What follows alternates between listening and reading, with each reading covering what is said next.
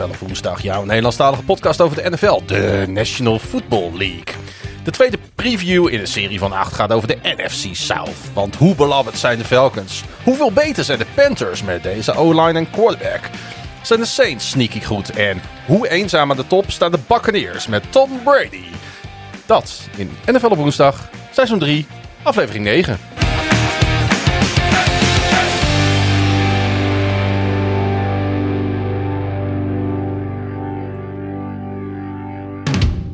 We hebben even een eh, paar dagen de tijd gehad om bij te komen, Pieter. Ja, dat Ondertussen wat gegeten en gedronken. had ik wel nodig, die paar dagen. En eh, we gaan het hebben over de NFC South. Ja, we kunnen er niet omheen. Dat is natuurlijk de divisie van de Tampa Bay Buccaneers en eh, de 45-jarige Tom Brady. Ja. Net als de vorige aflevering. Ja, schotje voor de boeg. Ehm, hoe groot is de kans dat de Buccaneers deze divisie gaan winnen als je het uit moet drukken in percentages? 99,8. Nou, dat belooft eh, dan eh, weinig goeds eh, wat dat betreft voor de spanning in deze divisie. Oh, Nou. zo, wat, wat, eh, wat, wat zou jouw percentage zijn? 99,6. Oh, jij, eh, jij, jij denkt echt dat het nog spannend wordt. Nee. We trappen de divisie af met de Carolina Panthers. Even waren we bang dat ze het seizoen zouden moeten aanvangen met de quarterback Sam Darnold. Maar begin juli was daar opeens de trade met de Cleveland Browns voor Baker Mayfield. Of daarmee de issues op de belangrijkste positie in het spelletje opgelost zijn, valt te bezien. Maar het voelt wel als een upgrade. En dat voor een vijfde ronde pick. Weinig te verliezen voor de Panthers. Maar toch wel behoorlijk wat op het spel voor Baker Mayfield. Ja, Pieter, mijn gedachten gingen allereerst even terug naar het eh, vorige seizoen. Toen de Panthers met een eh, 3-0 record openden. Opeens werd Carolina agressief op de trade market. Ze stuurden een tight end eh, naar Jacksonville voor een cornerback. Eh, ze hengelden opeens eh, voormalig Defensive Player of the Year Stefan Gilmore binnen uit Foxborough.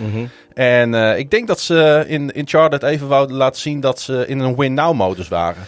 Ja, als ik me, volgens mij, als ik me het goed herinner, had jij en volgens mij Edu ook, hadden vorig seizoen voorspeld dat de Panthers wel eens sneaky goed konden zijn. Of was dat alweer twee seizoenen geleden? Nee, eigenlijk eigenlijk roep ik het al twee jaar op rij. En eh, ik geloofde er volgens mij niet zo heel erg in, als ik me eh, dat ook goed herinner. Klopt. En, eh, maar we hadden volgens mij ook niet helemaal verwacht dat ze de laatste zouden worden. Nee, dat, dat niet. Maar dat het de laatste jaren niet zo goed gaat in Charlotte, dat is natuurlijk geen geheim. Hun laatste winning record dateert alweer uit 2017. Toen de Panthers met 11-5 een wildcard pakten en in de playoffs verloren van divisiegenoot New Orleans. Ook New Orleans. nog vers in het geheugen ligt natuurlijk die verloren Super Bowl tegen de Denver Broncos in het Zo. seizoen 2015. In, eh, in het stadion, nieuwe stadion van de Niners. Ja, inderdaad. Lady Eh, Gaga deed volkslied. En wie werd coach of the year? Onze speciale vriend van de show, Ron Rivera natuurlijk. Werd Ron Rivera toen coach van Jacksonville? zeker. Oh. Ja. Oh, oh, oh.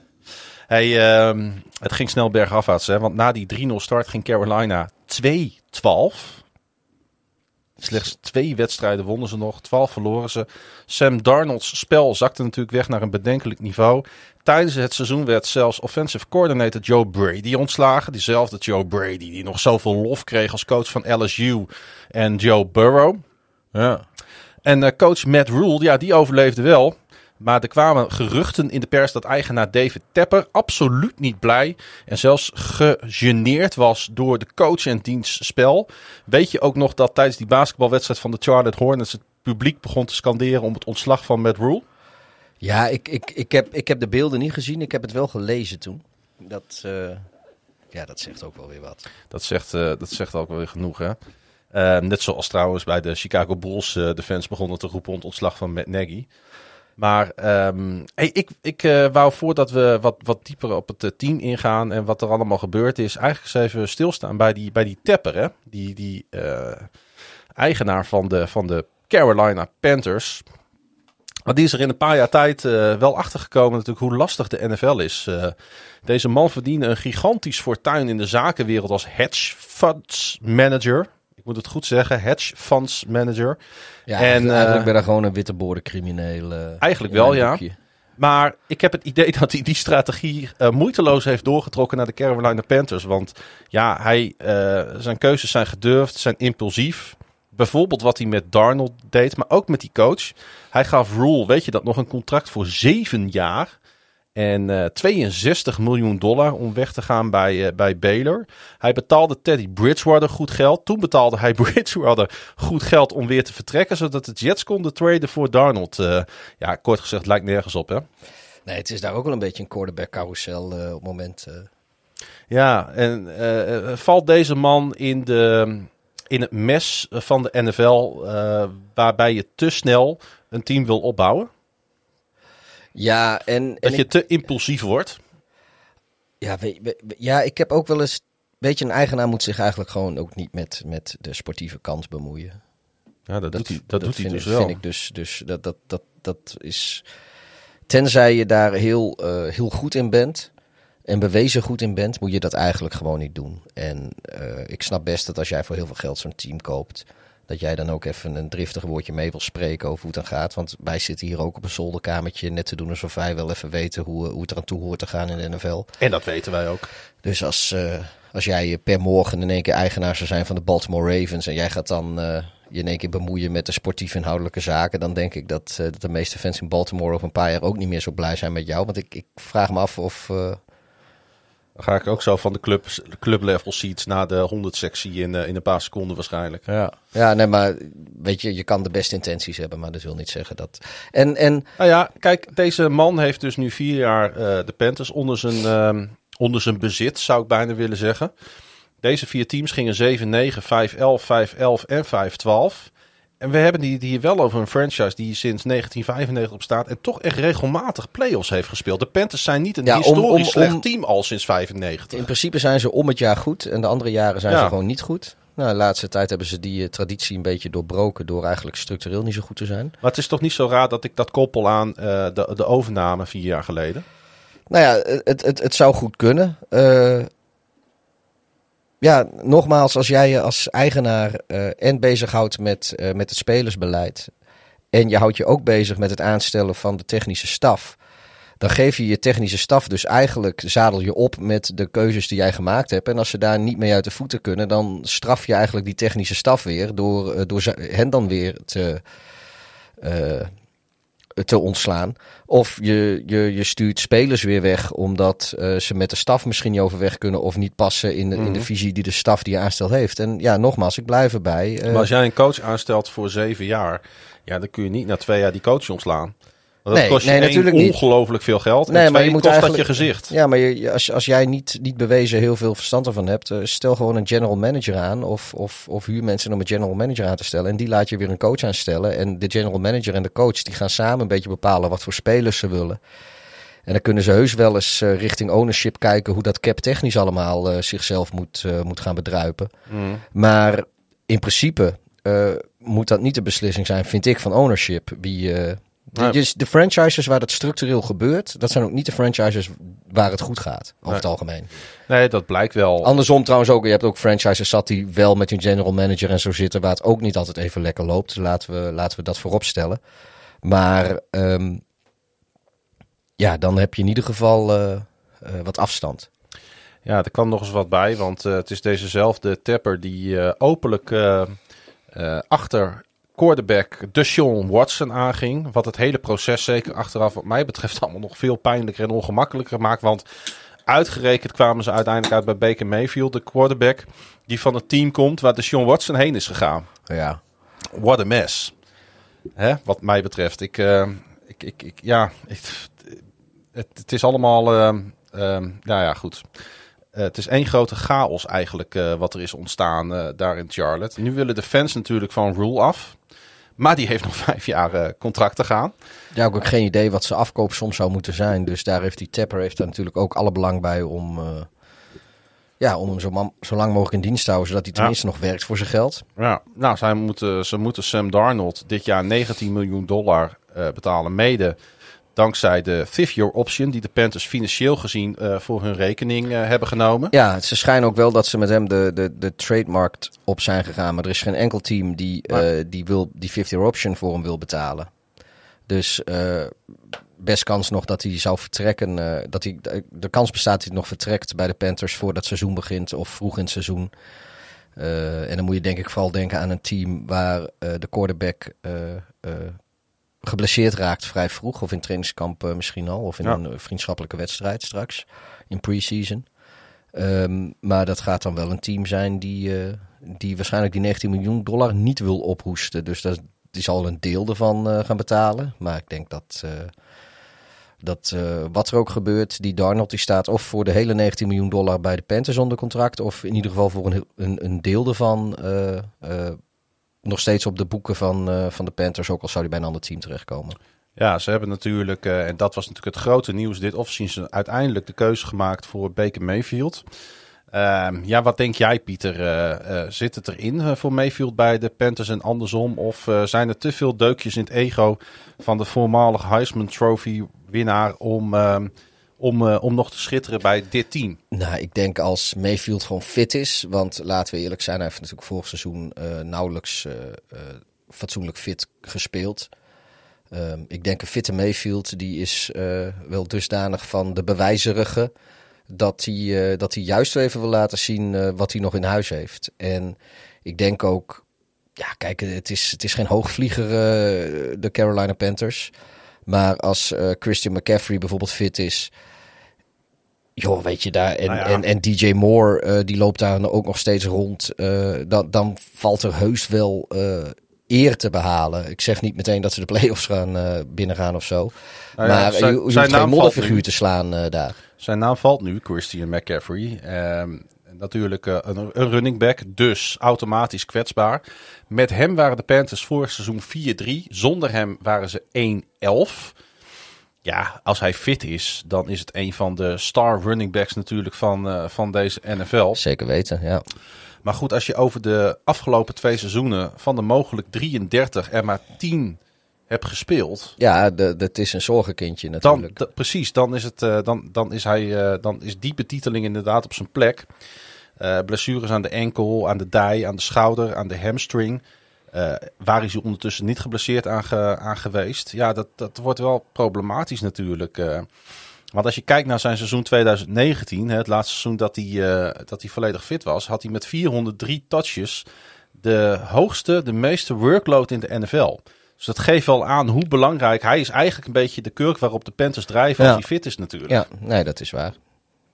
Ehm, maar goed, ehm, ehm, ik, weet je, en dat, is het, dat heb ik met dit team. Als ik zo een beetje door dat, dat roster aan het scrollen ben, ja, dan vind ik echt niet dat zij een matig, eh, matig team hebben. Want eh, DJ Moore eh, no- noemde jij net al terecht. Ik denk een van de meest onderschatte receivers in de, in de league. Maar ze hebben ook een geweldige cornerback in Dante Johnson. Jeremy Chin vind ik een fantastische safety. Ze hebben met Brian Burns een geweldige edge rusher. Linebacker Shaq Thompson. Ehm, ja, dat, dat zijn allemaal eh, blue chip players. Dat zijn allemaal sterspelers in de NFL. Waar ook eh, behoorlijk wat geld voor, eh, voor wordt neergelegd. Ze hebben in offensive line hebben ze, hebben ze behoorlijk versterkt. Daar hebben we het natuurlijk de afgelopen aflevering al even over gehad. Dus wat dat betreft is dat een fijn vooruitzicht voor Baker Mayfield. Ja, dit team moet toch veel beter kunnen dan dat 2-12 record wat ze na drie wedstrijden hebben neergezet vorig jaar. Ja, ja sowieso. En eh, ik denk ook wel dat dat gaat gebeuren. Want ik, ik denk dus dat ze met, eh, sowieso op de quarterback-positie hebben ze echt wel een, eh, een sprongetje gemaakt. En ja, weet je, ik, ik ga er gewoon voor het, voor het gemak, ga ik er even vanuit dat Christian McCaffrey gewoon het grootste deel of misschien wel het hele seizoen speelt. Want ja, als je ook nog blessures moet gaan gokken, dan wordt, wordt zo'n preview wel helemaal ondoenlijk. Ja. Dus ik ga er gewoon vanuit dat... Oh, jij mag hem gewoon callen hoor. nou ja, maar dat met het talent wat ze hebben, dat, Mm. eh, dat, dat, ze, dat ze, ja, weet je, dat moeten ze echt wel stukken beter kunnen. Nou ja, laten we eens inzoomen om, om een voorbeeld te geven van dat talent op die DJ Moore. Die de afgelopen vier seizoenen het moest doen met eh, Cam Newton, Cal Allen, eh, Teddy Bridgewater en Sam Darnold. En niet te vergeten backup quarterbacks zoals Will Greer en PJ Walker. En toch noteerde hij de afgelopen drie jaar gemiddeld 1175 receiving yards. In vier seizoenen ving hij 301 bal- ballen. En hij is de enige receiver in de NFL met 1200 yards from scrimmage over de laatste drie seizoenen. Dus deze jongen kan gewoon wel Ja, ja, echt ja. een hele goede quarterback gebruiken om nog veel meer op een eh, Pro Bowl eh, eh, level te komen.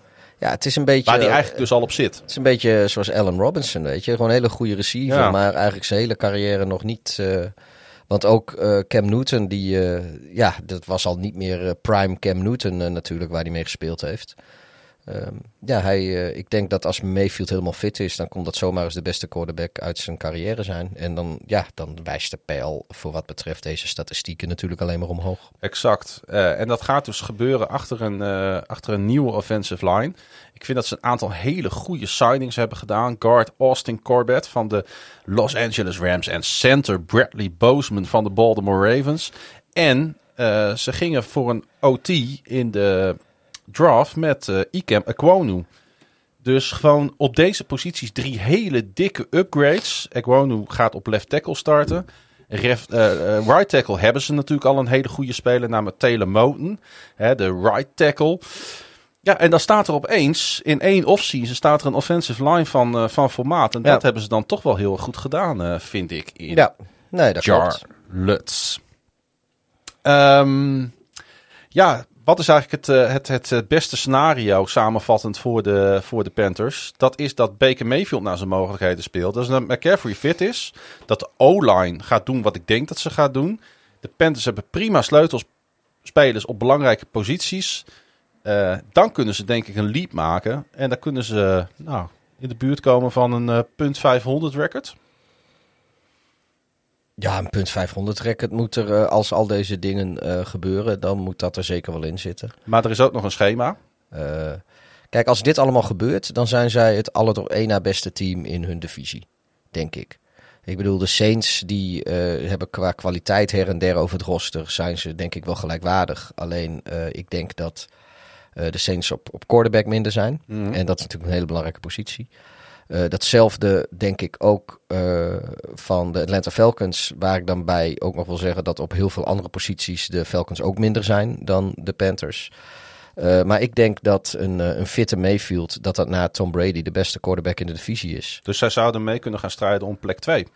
Ja. Dat is eigenlijk wat we daarmee zeggen. Nou, als, als het inderdaad allemaal zo meezit zoals de laatste jaren wel eens tegen zat met blessures en dat soort dingen, dan ja, zou, dat, zou dat een mogelijkheid Nou ja, moeten zij zijn, moeten ik. gewoon afscheid nemen van die ongelofelijke chaos die die, die, die Teppe daar vier jaar heeft eh, veroorzaakt. Eh, tussendoor hebben ze steeds goede spelers gehad, maar ze hadden geen goed team. Want goede spelers en een goed team, dat zijn natuurlijk twee verschillende dingen. Ik moet zeggen dat hun zwakte ook op coach ligt. Ja, ja dat, is, dat is wel zo. Kijk, je moet Hij het, heeft nog eh, niks laten zien, die Matt Rule. Nee, dat is waar.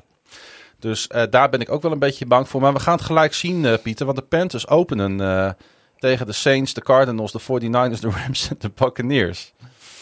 Ja, ze hebben niet, eh, niet de makkelijkste seizoensopening. eh. Nee. En dan denk ik dat een losing streak zomaar eens kan leiden toch tot het ontslag van Rule. En dat Teppen toch echt eh, daar gezichtsverlies moet leiden om die franchise gewoon verder te helpen. Ja, maar dat zou in theorie een blessing in disguise kunnen zijn. Dat Ja. weten we natuurlijk nog niet zeker. Maar Nou ja, zoals wij het een beetje voorspellen wel natuurlijk. nou ja, Dus zeg het maar, wat, eh, wat wordt het eh, record van de Carolina Panthers voor komend jaar? eh, 9-8. Mm, ik schat ze dan één wedstrijdje lager in. Ik zet ze op 8-9. We blijven weer allemaal eh, rond die 500, hè? Ja, maar goed, eh, dat komt ook ergens vandaan natuurlijk. eh. het, eh, de afgelopen vier jaar hebben ons in ieder geval niet genoopt om ze nu opeens op een, eh, op een 12, eh 12-5 record te zetten. Oh, maar ook niet 5-12. Nee, hey, eh, net als de Carolina Panthers gingen ook de Atlanta Falcons achter de Sean Watson aan. En dat kostte ze hoon en ook nog eens hun bloedeigen franchise quarterback. Hoongelach viel hun ten deel. Voordat Matt Ryan hoorde dat de Falcons bezig waren met een trade voor Watson, was het plan dat hij gewoon zou terugkeren. Echter, toen Watson zelf toegaf dat de Falcons met hem bezig waren, was het voor de MVP van het seizoen 2016 snel klaar. Wanneer omstandigheden veranderen, veranderen situaties ook, zei Ryan erover. Jezus, wat is dat voor Ja. onwaarschijnlijke Cruyffiaanse non- non-wijsheid. Nou, daarom heb ik hem ook genoteerd. En we kunnen wel stellen dat de Falcons de situatie behoorlijk matig hebben gehandeld. Los van de aanleiding hoeft de trade van Ryan naar Indianapolis overigens niet per se iets slechts te zijn. Misschien moesten de Falcons zelfs wel een beetje geforceerd worden afscheid te nemen van de quarterback van Boston College, die al sinds 2008 het gezicht was van de Dirty Birds. Eh, de Atlanta Falcons, Pieter, een team wat jij hoopt eh, te gaan zien dit Ja. jaar Ja. tegen jouw Chicago Bears. Mhm. Hey, ehm, Het is de afgelopen vier seizoenen eigenlijk net als bij de Carolina Panthers matigheid troef geweest in Atlanta. Hè? Ja, we hebben het uh, uh, ook onlangs hier nog wel eens over gehad van, van dat we ons eigenlijk hardop afvroegen wat daar nou eigenlijk gebeurd was Ja. sinds uh, die Super Bowl zo dramatisch verloren. Um, ik ben het maar deels met je eens als je zegt dat het traden van Ryan niet iets slechts hoeft te zijn. Want ze slikken natuurlijk enorm veel dead money. En dan kun je zeggen, ja, ze speelden toch al niet mee voor de prijzen dit seizoen. Um, dus lekker boeien. Maar aan de andere kant, ja, weet je, als dat contract er toch is en het geld kost je dat toch, speel lekker met Matt Ryan, weet je. Hij wil blijven. Uh, hij heeft je alles gegeven als franchise. Het, hij is ook, uh, wat gaan nu met Mariota? Ja. Nou, laten we niet doen alsof Mariota nou zoveel beter is als Matt Ryan. Dat denk ik ook niet. Dus uh, eigenlijk kost het ze geld om erop achteruit te gaan op de quarterback-positie als je het heel sec bekijkt. En daar komt ook nog bij dat je natuurlijk zowel bij de fans als uh, bij je spelers misschien wel een stukje goodwill verliest uh, met zo'n met zo'n streek. Nou ja, jij zegt het nu wel en, en je hebt ook wel een punt. Maar het andere punt wat ik eigenlijk is, wil maken is dat de Falcons de afgelopen vier jaar niet gedurfd hebben om door te selecteren. Die zijn vast blijven houden aan bepaalde spelers, nee, dat, aan bepaald dat, dat beleid. Klopt. Maar Het ze hadden was- ook gewoon kunnen zeggen, luister uh, Maddie, dit wordt je laatste jaar. Ja, precies. Maar dat hebben ze niet gedurfd. We gaan, uh, we, nee, maar dat hadden ze voor dit jaar kunnen zeggen. Weet je, we gaan dit jaar nog één keer met je doen. Dat wordt de laatste keer. Daarna Hey, ja, mag je ze- met pensioen. Maar ze wouden de Sean Watson.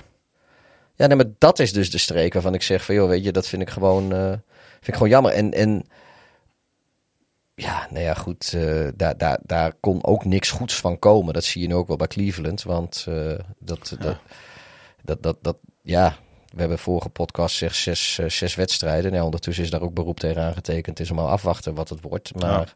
ik begreep al dat, uh, dat degene die er nu over gaat oordelen, dat die uh, er waarschijnlijk uh, stukken meer op de hand van de league is dan de, dan de laatste mediator.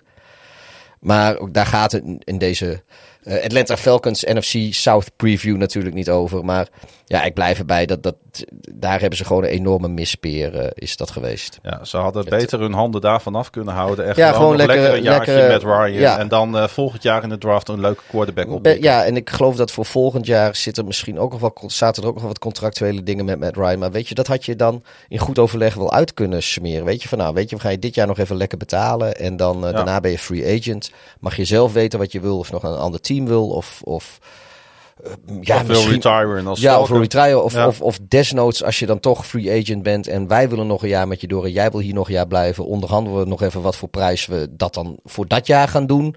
Wat, wat, wat je maar wil, weet je. Je maakt jezelf flexibel. Ja. Je, je, Of je had, je had zelfs nog toe kunnen gaan naar een situatie, eh, Joe Flacco, eh, Lamar Jackson, dat je had gezegd op een gegeven moment, je hebt ontzettend veel voor ons gedaan. Wees een mentor voor bijvoorbeeld Ridder, Desmond Ridder, die er op het, op het roster Ja. staat. En eh, we, gaan, eh, we gaan kijken wie van jullie het best tot zijn recht komt in welke wedstrijd. Maar dat is inderdaad ook zo'n Ridder. Ik, ik, ja, met alle respect voor Mariota, maar ik denk, ik, ik ken de persoonlijkheden natuurlijk niet. Maar ik denk dat je van Matt Ryan meer leert dan van Marcus Mariota. Ja, dat denk ik ook. Want Toch dat is, iemand die eh, regelmatig playoffs gehaald heeft, eh Super Bowl gehaald heeft, die, die dat team en de stad en de fans en, en de franchise van haven tot gort kent hij.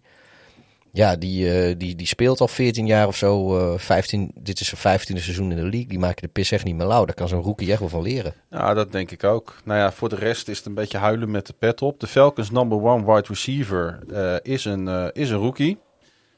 Zij hebben nu eh, natuurlijk Drake London. Hebben ze op hun... eh, Ik dacht dat Kyle Pitts hun eh, nummer one receiver was. eh, Oh. Ja, in zekere zin natuurlijk wel. Ik snap wat je bedoelt. Maar eh, ja, dat ziet er dus niet goed uit. Eh, hun top running back is een 31-jarige receiver. Wel een van onze favoriete spelers, maar... Cordarrelle Patterson. Inderdaad. Eh, hun beste speler, dat is natuurlijk Calvin Ridley. Maar hij zit een schorsing van een jaar uit voor gokken op NFL-wedstrijden. Ja. Daarnaast denk ik trouwens überhaupt niet dat hij ooit nog een bal gaat vangen voor de Falcons. Ik denk dat dat huwelijk wel voorbij is. Ja, en daarmee is hun beste speler, die ook daadwerkelijk gaat spelen dit jaar. Dus inderdaad, je hebt gelijk Pieter, tight end Carl Pitts. Ook hij eh, moet het doen met eh, een van de slechtste offensive lines in de league. En de defense noteerde vorig seizoen 18-6, 11 minder dan ieder ander team. Ja, dat is zeg maar marginaal meer dan één per wedstrijd. En Ja. dat is gewoon echt heel weinig. En weet je wat ze ook nog hebben gedaan? Ze hebben geen enkele speler die vorig jaar meer dan twee seks voor Atlanta noteerde, hebben ze behouden. En dan zitten ze, liggen ze ook nog op dit moment in de clinch met Dion Jones. De Pro Bowl linebacker die herstellend is van een operatie, maar onder vuur ligt vanwege zijn werkethiek. Hij drukt uh, wel heel zwaar op de cap ondertussen. Um, en wat hebben de Falcons gedaan? Juist op die positie hebben ze flink wat diepte uh, toegevoegd. Met uh, uh, tweede ronde rookie Troy Anderson. Een free agent toevoeging voor Sean Evans van de Titans. Nick Kwiatkowski van de Raiders. Kwiatkowski. Kwiatkowski? Kwiatkowski. Oké. Okay. Hij heeft uh, ook heel lang in Chicago gespeeld. Ah. Ja, hij is ik, een ik van denken, die vele. Ik moet denken aan die wielrenner, Kwiatkowski. Nee, dit is uh, Kwiatkowski. En dit is een van de vele voormalige Chicago Bears in de spelersgroep en in de staf. Uh, ik geloof dat ze er ondertussen 14 of 15 hebben of zo. Dat is echt, uh, de Atlanta Bears zijn het een beetje. En of dat nou een recept is voor succes. Het, zegt, het, zegt, nou ja, het zijn wel allemaal spelers die in de basis kunnen starten, weet je. Um, moeten de Falcons niet gewoon heel hard op de reset-knop drukken, Pieter?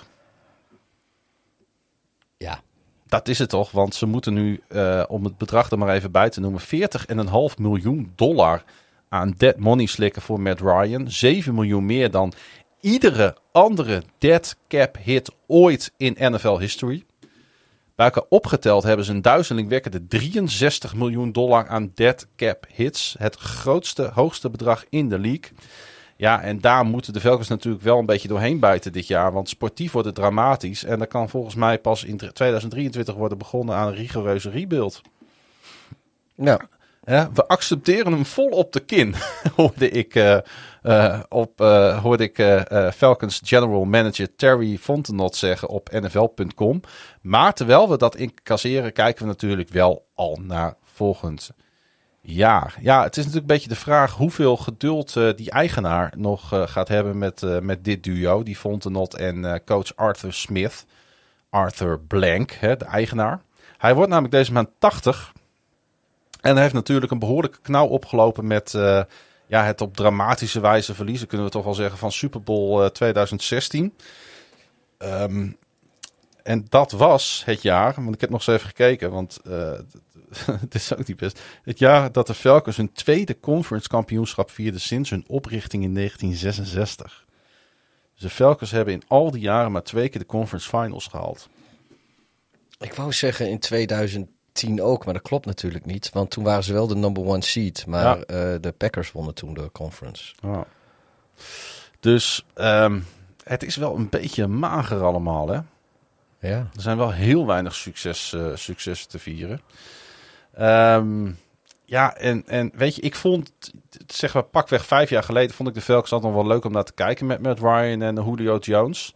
Ik, ik denk de twee beste Falcons die ik in mijn NFL-kijkcarrière heb zien spelen voor de Falcons. Ik weet niet, dat zal voor jou niet heel anders zijn. Nee. Um, en dat zijn dan spelers waar ze uiteindelijk uh, slechts een tweede en een derde ronde pick voor teruggekregen hebben. Ja, het zijn, ze waren natuurlijk ook al behoorlijk op leeftijd. Ze zijn bepaald niet in hun prime nog weggetrade. Dat, nee, uh, dat maar het laat wel weer zien dat ze te lang aan deze jongens hebben vastgehouden. Ja. Um, toch gloort er wel een klein beetje hoop, want ik vond hun draft wel goed. Ik denk dat ze een hele goede receiver hebben gepakt met die Drake London. Uh, we moeten hem natuurlijk nog zien spelen, maar goed, het, het ziet er allemaal zeer compleet uit. Uh, met de achtste pick was dat. En, uh, en ook de rest uh, was, voor mij, was voor mij dikke prima. En dit zijn toch deze jonge spelers. Misschien Desmond Ridder, die great value blijkt te zijn. Met Cal Pitts. Ja, deze jongens moeten een beetje de nieuwe fundatie van de franchise gaan vormen. Hè?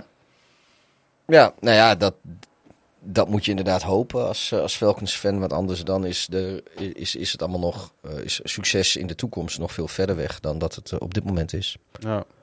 Trouwens, uh, de Falcons uh, zijn vorig seizoen gewoon 17 geëindigd. Hè? Dat is natuurlijk op papier niet eens zo heel slecht. Zeven overwinningen. Nee, maar... Terwijl wij een dramatisch beeld van ze schetsen. Ja, maar dat, dat gebeurt al snel uh, bij, bij veel teams. Kijk, dat... Nou hebben ze wel een klein beetje mazzel gehad, moet ik zeggen. Want ik zag dat ze 6-2 waren in wedstrijden die beslist werden met 7 punten of minder. En 3-0 in wedstrijden beslist door een field goal of minder. Maar ja, ze hebben natuurlijk wel hun, uh, hun kikker is wel vrij, uh, ja. vrij goed. Dat is waar. Ja. Nee, maar dit, ik, ik, ik geloof nog wel, op dit moment denk ik nog wel dat daar een, een, een neerwaartse trend is. En ze hebben trouwens, uh, ze waren het team het op twee na eh, eh, meest gelukkige team met injury luck.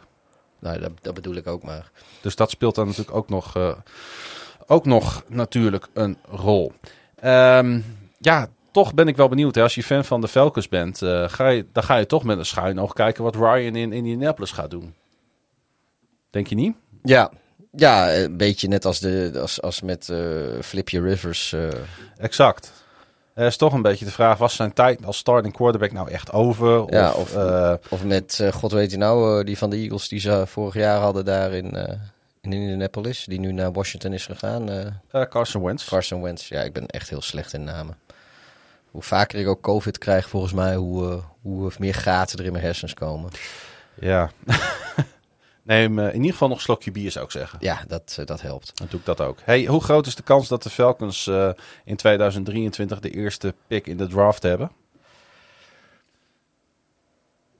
Ik, ik... Met andere woorden, zijn zij het slechtste team op papier op dit moment in de league? Dat het, het, het zou maar zo kunnen, maar ik vind het heel lastig om dat Want te zij, beoordelen. Zij zijn natuurlijk. Uh, Want ik, ik geloof niet. Uh, ik heb van die andere teams, laat ik het zo zeggen. Uh, ik heb van andere teams die, die je onderaan verwacht, Jacksonville, Houston, misschien zelfs Detroit. Heb ik het idee dat er ergens een opgaande lijn zit. Dat er een idee is. Dat er leuke nieuwe spelers worden aangetrokken. Dat, uh, dat, dat, dat er op, op sleutelposities her en der uh, goede spelers worden aangetrokken. Is, is Atlanta veel minder dan Chicago, denk je, bijvoorbeeld? Ja. Ja, dat denk ik wel. Ja, want heel veel mensen... Ik ben niet heel positief over de Chicago Bears. Ik denk dat ze daar wel een issue hebben. Maar ik denk dat er nog wel een basisniveau is. En ik ben fan van, hun, van de coachingstaf van de Bears dit jaar. Alleen ja. bij de Falcons zie ik echt maar één lichtpuntje. Dat is Cal Pitts. En ze hebben een goed cornerback duo. Nou, die wil ik zo nog wel Ja, ik, ik, zit dus, ik zit ook eens even te kijken hoor. Welke, want ja, Houston zou zomaar eens beter kunnen doen. Ja. Wat we vorig jaar misschien niet gedacht hadden. Maar die hebben vorig jaar wel uh, iets neergezet. Aan de andere kant, ja... Ik weet niet of Lovie Smith nou de, de coach is voor 2022. Dus die, Goed, uh, uh, dat, die kunnen ook zomaar... Maar Laat ik hem callen. Ik geef ze drie overwinningen. vier. Nou ja, dan komen ze wel echt Ja, in ze- ze aanmerking tot mee. het slechtste team in, de- in de NFL. Ja. Goed, eh, zullen we door? ja, gaan lekker door joh. Toen Sean Payton en Drew Brees Saint werden, was de franchise een van de lachertjes in de NFL. Het tweetal veranderde echter de hele uitstraling van het team en de Saints werden zelfs kampioen. 15 jaar lang was New Orleans leuk om naar te kijken en Brees leidde zijn offense op efficiënte wijze. De jaren dat de defense ook goed was, waren de Saints iedere keer Super Bowl contenders. Door de jaren heen had het team een paar ongelooflijke, ongelooflijke pechmomenten in de playoffs, waardoor het bij één titel bleef. Maar Peyton en Breeze zullen elkaar nog wel eens aankijken en dan kunnen ze zeggen: It was a great run. Die tijd is echt voorbij. Maar dat we met weemoed terugkijken op dat tijdperk, dat zegt ook weer wat over nu. Ja, de beste jaren van de Saints eh, lijken even voorbij, Pieter. Franchise zit op dit moment in best wel een eh, tricky situation. Dat heeft vooral met de centjes te maken. Aan het begin van dit offseason waren de Saints bijna 75 miljoen dollar over de salary cap. Ja. En eh, Was beleid trouwens, hè? dat hebben ze echt eindeloos doorgevoerd. Ja, ja, ja. En de hoop een keer mee te gaan doen voor de prijzen. ja, dat is niet gelukt. Nee, en dan eh, komen die blaren, die komen wel. Dat is denk ik ook een van de redenen dat Sean Payton eh, eh, er juist nu een einde aan heeft gebreid. Want die had zoiets van, ja, we, we kunnen hier niet doorgaan en je valt Ja. niet zoveel eer meer te behalen. En het gekke van de hele situatie is dat ze het voor dit jaar eigenlijk weer gedaan hebben. Dat gaan ze wel doen met een nieuwe coach, Dennis Allen. 8-28 als NFL headcoach. dat is geen beste record natuurlijk. Bij welke teams heeft hij gezeten? Ik Ja, bij de Oakland Raiders hè. Oh ja. Toen ze absolute trash waren. Daar moet ik er wel even bij zeggen. Eh, het was niet voor niks natuurlijk dat de Raiders uit Oakland zijn gegaan. Want het, eh, het was op sterven na dood. Ehm, ja, en ook bij de Saints, eh, Pieter, doken de Watson-geruchten op. Hè? Ja, eigenlijk Maar, zij, maar zij, hebben het, zij hebben heel snel dat ontkracht en gezegd: nee, we gaan, wij gaan voor James Winston. Dat, dat klopt. Ze hebben wel vrij snel gezegd van dat, dat gaan we niet doen. En dat was denk ik maar goed ook. Want Ja. De Saints die, eh, die lagen al niet... eh, eh, of, of tenminste, weet je, daar, daar, zit, daar zit bij wat, wat, wat seksueel... een beetje... niet helemaal kloppend gedrag betreft, zit daar, zitten er bij de Saints ook al wel... vanuit het niet heel, heel lang geleden verleden zitten daar nog wel eh, eh, wat smetjes Wat op. Die organisatie. Pieter? Ah, nee, dat, het eigenaarschap van de Saints, die hebben zich eh, voor een aantal jaar terug hebben die zich eh, vierkant achter, eh, achter de katholieke kerk geschaard. Mm. Terwijl daar nou juist, eh, en dat, dat gaat er voornamelijk om de, de kerk daar in de omgeving eh, van, van New Orleans. Terwijl daar eh, enorm veel eh misbruik, eh, schandalen aan het licht kwamen. Ja. En eh, ja, daar hebben zij zich juist eh, vierkant achter de kerk geschaard. En dat, ter- terwijl de, de bewijzen dat het daar helemaal misgegaan is en dat er van alles om de tafel gemoffeld is, die hebben zich opgestapeld, dat soort Daviden. En eh, daar komt nog bij dat eh, we hebben natuurlijk wel de, de Washington Redskins slash voetbalteam slash commanders ellende gehad met hun cheerleaders. Maar bij de Saints cheerleaders zijn de afgelopen jaren zijn ook de nodige eh, verhalen naar buiten gekomen waar de honden geen brood van lusten. Ja. Dus ja, als je je dan nu ook weer in, in, in zee zou gaan met, met een Deshaun Watson. Ja, dan, dan maak je jezelf als, als franchise niet, eh, niet veel netter. Buiten het veld eh, ethisch discutabel, maar ook eh, zeker binnen de lijnen natuurlijk met Bountygate een aantal Ja. jaren geleden. Ook nog natuurlijk, ja. Nou, dan speelt op dit moment ook nog de situatie Alvin Kamara. De running back werd in de nacht na de Pro Bowl opgepakt in Las Vegas voor mishandeling. En de verwachting is dat er toch voor hem ook een behoorlijke schorsing nog zal volgen. Alleen er wordt nog even afgewacht eh, hoe dit zich juridisch gaat, gaat ontwikkelen. Daar wordt binnenkort wordt daar een uitspraak verwacht. En dan zal de NFL ook snel waarschijnlijk met, eh, met actie komen. Ja, eh, ik weet niet of jij hetzelfde hebt als ik. Maar ik heb een beetje het gevoel alsof de ballon op knappen staat in New Orleans. Waar ze, eh, maar ze hebben, laten we daar ook wel even eerlijk over zijn, nog altijd een goed roster staan. Ja, maar het, het hangt zo langzamerhand wel een beetje van met, met, met, met, met kauwgom en, en, en ja, en gepleisterde contracten. Ja, het is. Ik weet het, het, het, op papier lijkt het heel wat, maar ik, ik, het, het is niet heel stabiel meer of zo. Ik, eh, ik geloof er niet meer zo in. Ze moesten ook een paar hele goede spelers laten gaan. Dat kon niet anders. Hè. Left tackle Terran Armstead en safety Marcus Williams. Ehm, en er werd, en dat is toch wel knap, 110 miljoen. Ik weet niet hoe je het doet, maar er werd 110 miljoen aan cap space vrijgemaakt. De Saints schoven heel veel geld opnieuw naar future years. Ehm, en daar gaan we nu niet helemaal op in. Maar ik kan de luisteraars wel een tip geven. Als je daar meer over wil lezen. Mike Triplett met dubbel T van ESPN heeft daar een geweldige breakdown over geschreven. Heet die als man je... nou gewoon drieling van achternaam? Ja, Triplet. Ja, goed hè. Mike Triplett van ESPN. Ehm, ik ga de link wel even in de show notes zetten. Want dan, die man, dat is een beetje een nerd. Eh dat is een beetje de capspace nerd van ESPN. Maar die heeft daar een geweldig artikel over geschreven. Ja, hoe de Saints er op het veld zullen uitzien. Nou, ik denk dat de offense eh, risicoloos en vertragend spel zal spelen. Dat er vooral geleund gaat worden op de defense.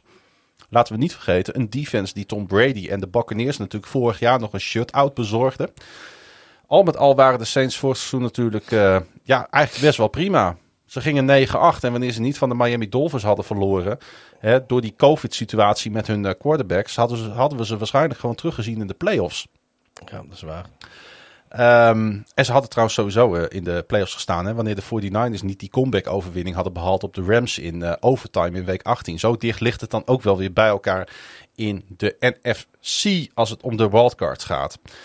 Ehm, eh, ja, ik, ik, ik heb af en toe, af en toe heb ik afgelopen jaar al wat flashbacks gehad naar, naar Drew Brees. Dat zal bij de fans niet anders zijn, hè?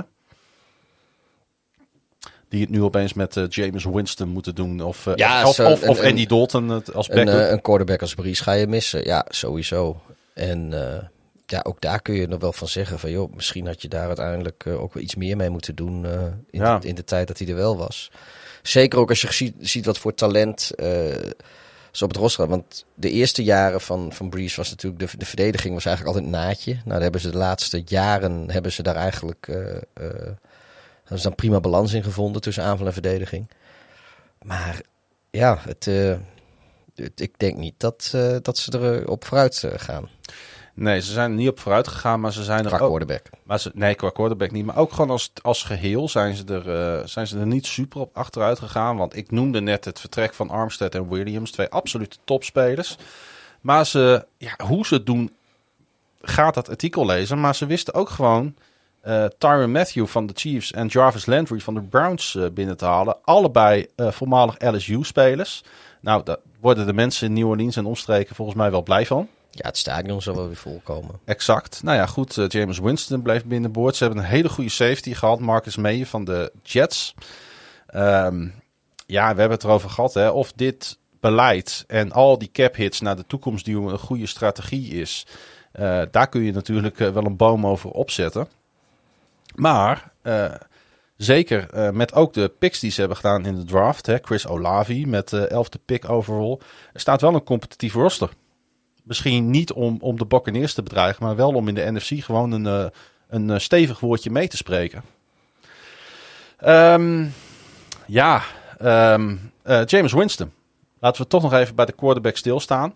Ehm, wat mij opviel afgelopen seizoen is dat hij eigenlijk eh, getransformeerd is tot, eh, tot, tot, tot, een, tot een soort van clown op een American voetbalveld, tot een eh, safe game manager.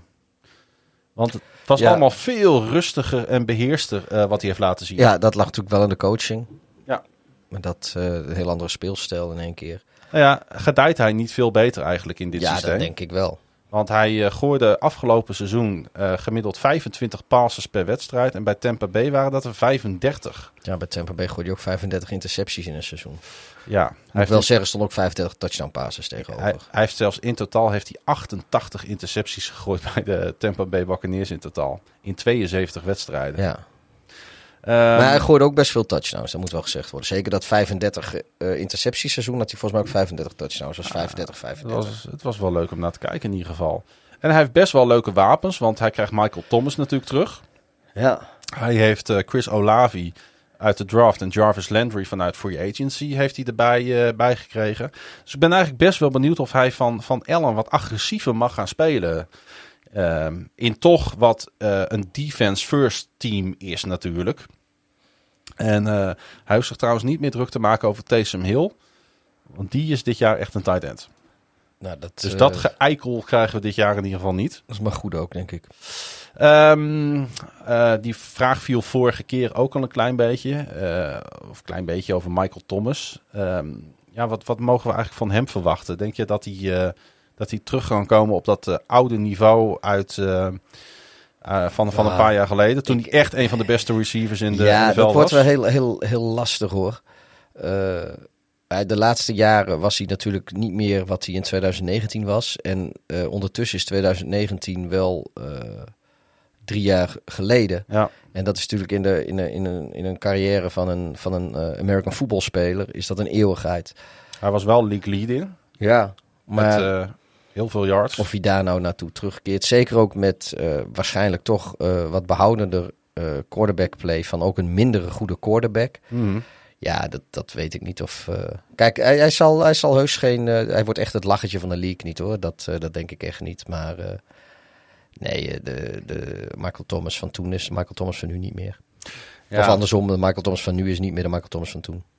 Eh, ze hebben in ieder geval wel nog steeds die hele sterke defense om op terug te vallen. Nou, daar, eh, daar zouden de Buccaneers natuurlijk net als vorig jaar wel weer eens een, eh, een wedstrijdje kunnen verliezen. Het is typisch zo'n tweestrijd tussen de Saints en de Buccaneers waar ze, waar ze op 1-1 eh, uitkomen.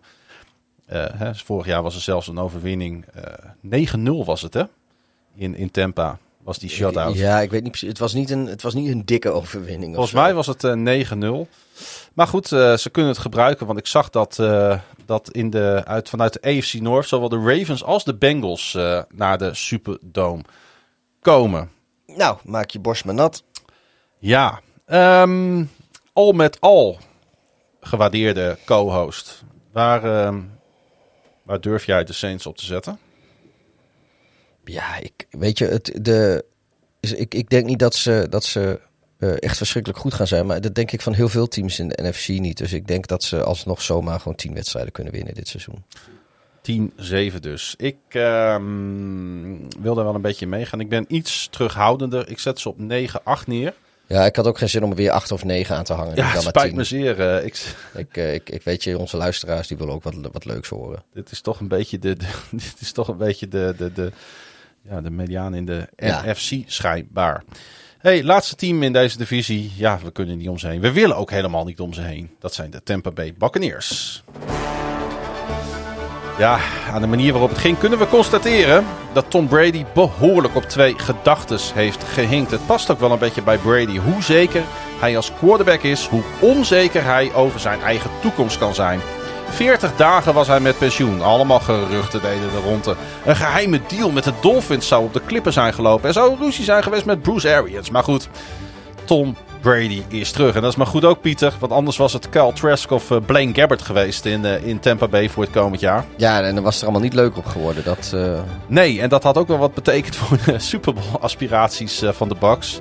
Ja, um, weet je, Brady hoeft natuurlijk niet meer zoveel. Hè? Hij heeft niks meer te bewijzen. Hij is de beste quarterback ooit. Zeven Super Bowl titels achter zijn naam.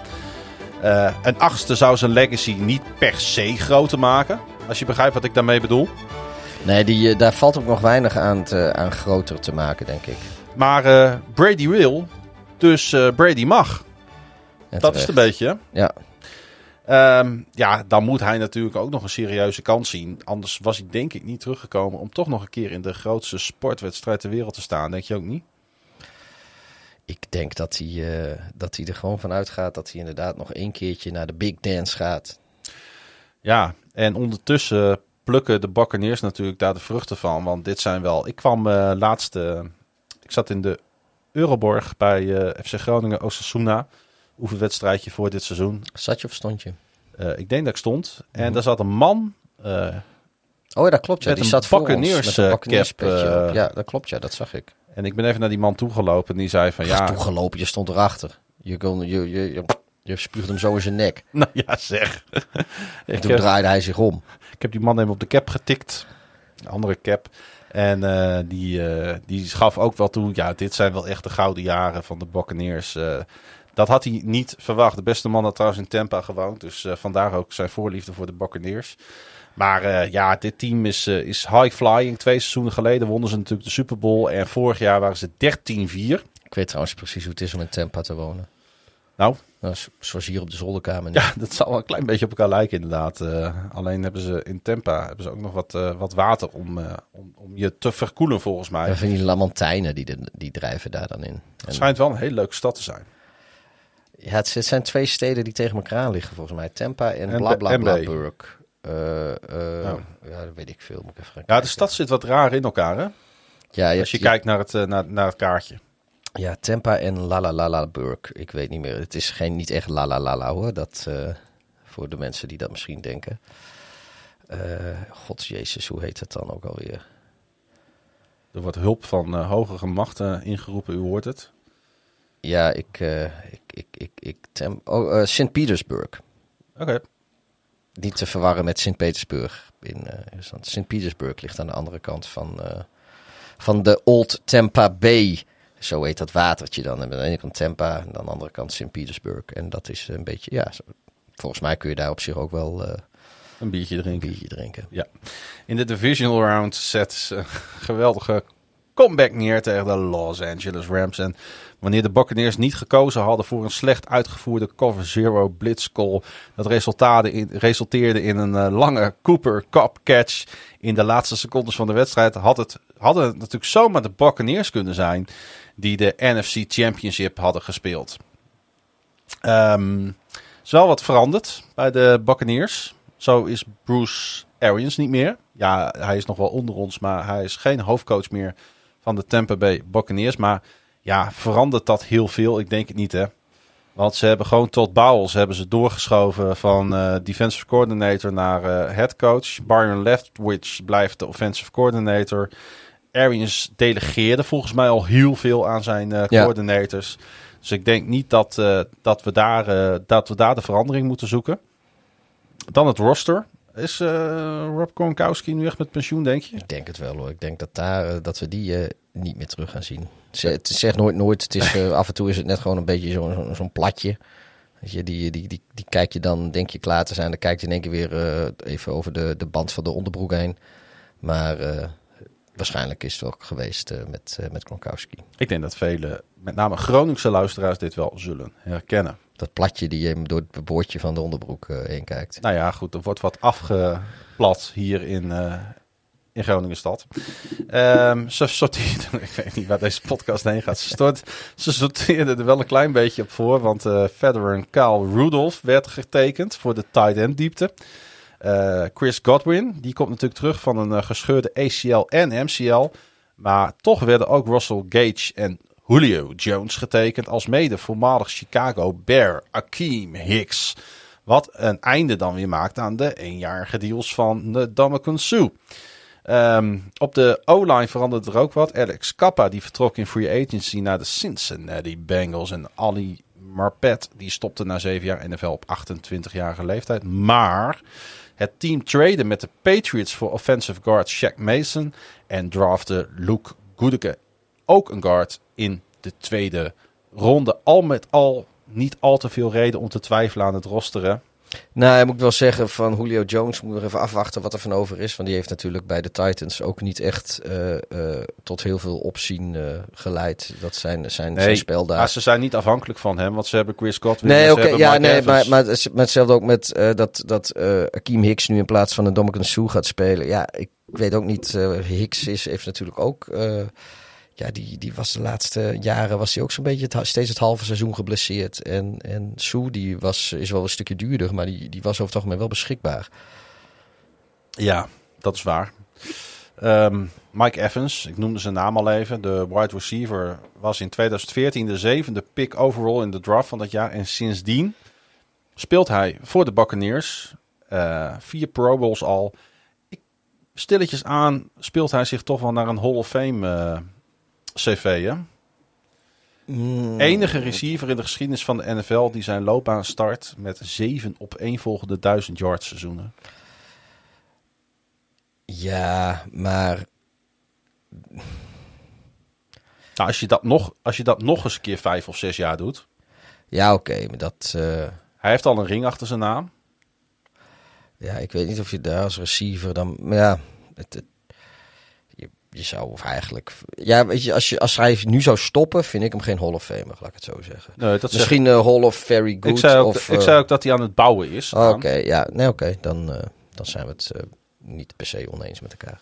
Die andere, die andere receiver, Godwin, die miste vorig jaar 3,5 wedstrijd. Voert het team trouwens alsnog aan met 127 targets.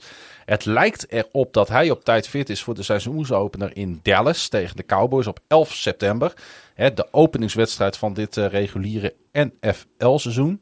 En daarna spelen de Buccaneers in New Orleans. En pas op 25 september keren ze terug naar huis voor thuiswedstrijd tegen de Packers en de Chiefs. Ja, dat is toch een, een behoorlijke openingsstretch. Hè? Die gun je eigenlijk niemand. Nee, je, je weet wel precies meteen waar je staat. Ja. Maar uh, dat wil... Uh, ja, en als, als je hier dus heel fijn doorheen komt, dan, nou ja, dan kun je gewoon achterover gaan leunen. Dan ligt het seizoen en dan, uh, voor je open. En, dan komt die, ja. die NFC, die rolt jouw kant wel op als het goed is. Maar dat denk ik ook. Het, het is, je kan ook zo wat, wat wedstrijden laten liggen hier. Ik geloof niet dat, dat er heel veel mensen zijn die de Buccaneers hier automatisch op 4-0 zetten. Ja, maar 3-1 moet wel kunnen. Het zou inderdaad moeten kunnen. Hey, er was natuurlijk wel één behoorlijke klap te verduren al tijdens trainingscamp. Want center Ryan Jensen die liep een zware knieblessure op en gaat minimaal drie maanden missen. En ja, dan gaat toch dat aloude NFL-wijsheidje op dat je het nog zo goed voor elkaar kan hebben op papier aan blessureleed. Kun je niet zoveel doen. Nou, dat geldt hier natuurlijk ook. Ja, de positie van center is dus een vraagteken. Maar, even heel objectief, die van quarterback natuurlijk ook. Omdat je, je verwacht toch een keer die... die, die ja. Mag ik die vraag opwerpen of mag ik die vraag niet opwerpen? Uh, op zich mag je die vraag opwerpen, maar ik denk dat Tom Brady zelf wel een beetje aanvoelt. Uh, uh, die weet zo langzamerhand echt wel wat nodig is voor, voor een NFL-seizoen. En misschien heeft hij heel even getwijfeld, vandaar dat hij met pensioen ging, of dat hij eventjes niet de zin had om weer in de vorm te komen die nodig is. Ik maak mij daar dus druk maar, over, om dat mentale ik, gedeelte. Ik denk dat, dat, dat juist Brady iemand is die die stopt op zijn voorwaarden en die gaat alleen maar door als hij denkt dat hij, uh, dat, hij dat nog kan. En ik denk niet dat, dat het la ja, je weet het nooit, maar ik denk niet dat Brady zijn laatste seizoen zo gaat zijn als het laatste seizoen van Peyton Manning bijvoorbeeld. Dat hij eigenlijk nog een beetje veldvulling is. Of uh, um, ja, zoals Philip Rivers zijn laatste play zijn laatste weken voor, uh, voor de Colts speelde. Weet je, Toen dat hij was zijn arm niet meer omhoog kon krijgen. Ja, en hij Ja. kon die bal niet verder dan 30 yard meer gooien. En, en ja, ik, ik, op de een of andere manier heb ik het idee dat van, van alle quarterbacks uit de moderne tijd is Brady het zuinigst op zijn lichaam. En kent hij zijn lichaam het beste. En eh, weet hij ook het beste wat, wat mentaal nodig is om, eh, om een NFL-seizoen eh, heel huids door te komen op een competitieve manier. En Ja. als hij ook maar de geringste twijfel heeft of hij dat nog wel in zich heeft, dan denk ik dat, dat hij niet eh, terug was gekomen. Dan had hij denk ik bij zijn besluit gebleven. Hoeft, eh, moet Tom Brady ook nog wel de peak Brady zijn om gewoon deze divisie te doen en voor de NFC mee te doen om de Super Bowl te halen? Ik denk dat je niet peak Brady hoeft te zijn om de NFC te winnen op het moment. Nee, dat eh, denk ik dus ook. Hey, ook Hoewel ik wel denk dat als je dan weer een NFC Championship game tegen de Rams bijvoorbeeld speelt, die ik, dat, ja, dat kan ik nu alvast spoileren voor als we de NFC West gaan doen, waarvan, waarvan ik denk dat het sterkste team in de NFC is, de Rams. Ehm, ja, dan moet, hij, moet hij wel even op zijn best zijn, anders eh, hoe kun je daar eh, denk ik wel in pakken. Oké. ehm, even nog naar de defense kijken.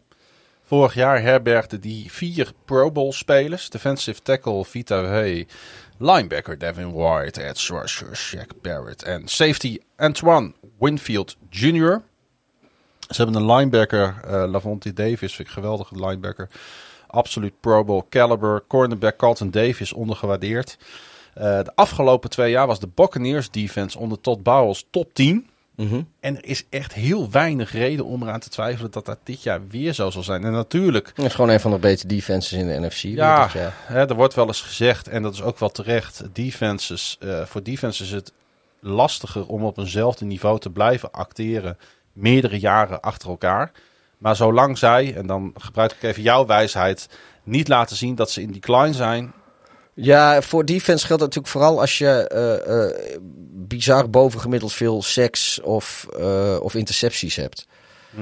Dat, eh, kijk, als, als, als je daar volledig buiten de statistische normaliteit om eh, cijfers neerzet, en dus natuurlijk met regelmatig een defense die dat zo doet, dan dat, dat neem je niet zomaar mee naar het volgende seizoen. En, eh, maar als je gewoon een goede defense bent, zoals de, dat zie je ook bij de Seahawks, die hebben gewoon jarenlang hebben die, een hele goede defense gehad. Die, die, die draaide om, om dezelfde spelerskernen eigenlijk. En ja, ze zijn niet ieder jaar was hun, wat volgens mij was het 2015 of zoiets, dat ze zo bizar goed waren met de Legion of Boom. Of 2014, weet ik veel, eh, zoiets, 2016, ergens halverwege de 2010's in elk geval. Ja, dat, dat seizoen, eh, dat, dat zal niet makkelijk te evenaren zijn. of zoals Washington twee jaar geleden, toen Chase Young eh, daar het, het, te- het team even op de Ja, maar dat, ja, maar dat, dat uiteindelijk was dat, dat was ook een beetje, dat was niet een, een, een dat dat over de hele, die Nee, defense vol zat met talent. Maar ze draaiden niet op bizar, het verval van, van, van die defense ten opzichte Ja. van het jaar daarna was natuurlijk zo groot, zo bizar Ja, maar dat, dat geloof ik dus niet van deze defense, omdat hij op veel meer spelers draait. Kijk, Ja. Baltimore heeft ook jarenlang met, eh, met Ed Reed en, eh, eh, god weet die moordenaar voor jullie nou, ook, weet je, Ray Lewis. eh, hebben ze, jarenlang hebben ze daar een, Ho ho, een alleged, alleged vergemeend. vermeend moordenaar. Eh, nee, en, en eh, Terrell Suggs en zo, die, Ja. die hebben daar met z'n drieën, waren die, met her en der nog wat andere spelers natuurlijk, waren die, vormden die de basis van, van een hele solide defense. En die hebben misschien niet ieder seizoen een recordseizoen neergezet. Maar die waren wel in de tijd dat die spelers zeg maar de kern waren ze eigenlijk ieder jaar wel een top 5 defense. Ja. En ja, dat, eh, dat, dat, dat zie ik hier ook wel gebeuren. Het is niet dat ze alleen maar heel goed waren omdat ze, zoals bijvoorbeeld de Bears in 2018, een bizar, eh, bizarre hoeveelheid eh, turnovers genereerden. Die niet sustainable zijn, om maar wat te noemen. Al met al zijn we best wel positief gestemd. allebei, als ik het zo Ja, dit is over, een van, de, een van de beste teams in de, in de NFC, denk ik. Ja. En misschien ook wel gewoon in de NFL. Het is eh, in ieder geval het beste team eh, in de NFC buiten de NFC West, denk ik wel. Durf ik misschien wel te zeggen. Ehm, dus eh, als je nu een ranking zou moeten maken, zou je de Rams op 1 zetten en de Buccaneers op 2. Ja, en dan de Packers denk ik op drie, Ja. zoiets. ja, het zijn toch een beetje Of de Niners. Nou, ja, Maar goed, dat daar- hangt een beetje af van Trey Lance. Maar dan gaan we zeggen, natuurlijk heel erg, dat zien we, gaan we in de NFC West preview ja. wel uitgebreid bespreken. Ja, die factor is, is iets onzekerder. Maar ja, ehm, ik denk dat als je, als je wat centjes wil inzetten op de Tampa Bay Buccaneers in de playoffs, Nou, dat, je er eh, weinig voor terugkrijgt. Ja, maar de kans dat je, dat je ze kwijt bent is ook niet heel groot. Ik moet wel... Nee, precies. Ja, eh, eh, Het is beter een beetje rendement dan geen rendement. ik heb het idee dat er maar één iets roet in het eten kan gooien. En dat is dat Tom Blessures. Brady geblesseerd raakt. Ja, ja, ja, nou, ja. Want ze hebben ook nog genoeg backups en genoeg second, third string om, eh, om, een, eh, om een fijn team op de, op de been te krijgen. En hun enige echte tegenval is natuurlijk die Ryan Jensen tot nu toe. Wat ze Ja. best wel kwetsbaar Die- ja, maakt die- op de interior eh, offensive line. Ja, Dat, dat, is, dat is een hele dure. Dat is een dure, maar voor de rest... ja, als je in een win-now-modus zit en je hebt Tom Brady als quarterback... dan moet je natuurlijk her en der ook een tegenvalletje kunnen opvangen. Ja. Zo is het ook wel En het enige wat je moet doen is dat je, dat je zo, tegen de tijd dat de two-minute warning begint de bal hebt en niet meer dan één score achter staat. En dan doet Tom Brady de rest wel. Over het algemeen wel. Ja. Ehm, welk ehm, records wil jij daaraan plakken? Eh, laat ik zeggen dat ze 13 keer gaan winnen. 13-4? Dat is wel veel. Ja, ik zet ze op eh 12. 5. Oké. Ook omdat ik denk dat ze in het begin her en der een, eh, een wedstrijdje gaan verliezen. En dat ze het best nog wel eens lastig zouden kunnen krijgen in New Orleans of Charlotte. Maar goed, ehm bij 12-5 zijn ze er ook. En dan kan eh, Tom Brady en de Buccaneers kunnen gewoon weer een divisiekampioenschap bijschrijven. Jawel. Ehm Oeh, wat is eigenlijk de volgende preview? Moet ik even het schema erbij pakken? Weet ik eigenlijk niet. De East en dan de West, geloof ik. Ik ga even kijken. Het zit aardig door elkaar. eh. de AFC South is de volgende. Oh, ik dacht dat we de hele NFC gingen. Oké. Nee, de AFC South is de volgende die, eh, die we gaan opnemen met Michael. Michael Feit. Oh ja. Dat is ook wel leuk. Die, eh, die kan natuurlijk heel veel vertellen over de Jacksonville Jaguars. Daarna de AFC West, voor de mensen die geïnter- geïn- geïnteresseerd zijn. AFC North komt ook nog aan bod. NFC West, AFC West. En we sluiten af met de NFC East. Oké. Dat, eh, dat, eh, dat wordt de laatste. Hey, ehm, Pieter, bedankt. Krijg je door deze previews op te nemen alweer wat meer zin in, eh, in het seizoen? Of, eh, of eh, denk je van, nou, pff, Ik had er al zin in. je had er al zin in? En dat, eh, dat is niet minder geworden. Als je in de tussentijd jou wil volgen op Twitter, Eh Darth laagstreepje hideous. mij via @klaasjegun. Je kan natuurlijk ook NFL op woensdag overal volgen op Twitter, Facebook en Instagram. En eh, vind je wat van deze podcast? Wil je wat vragen?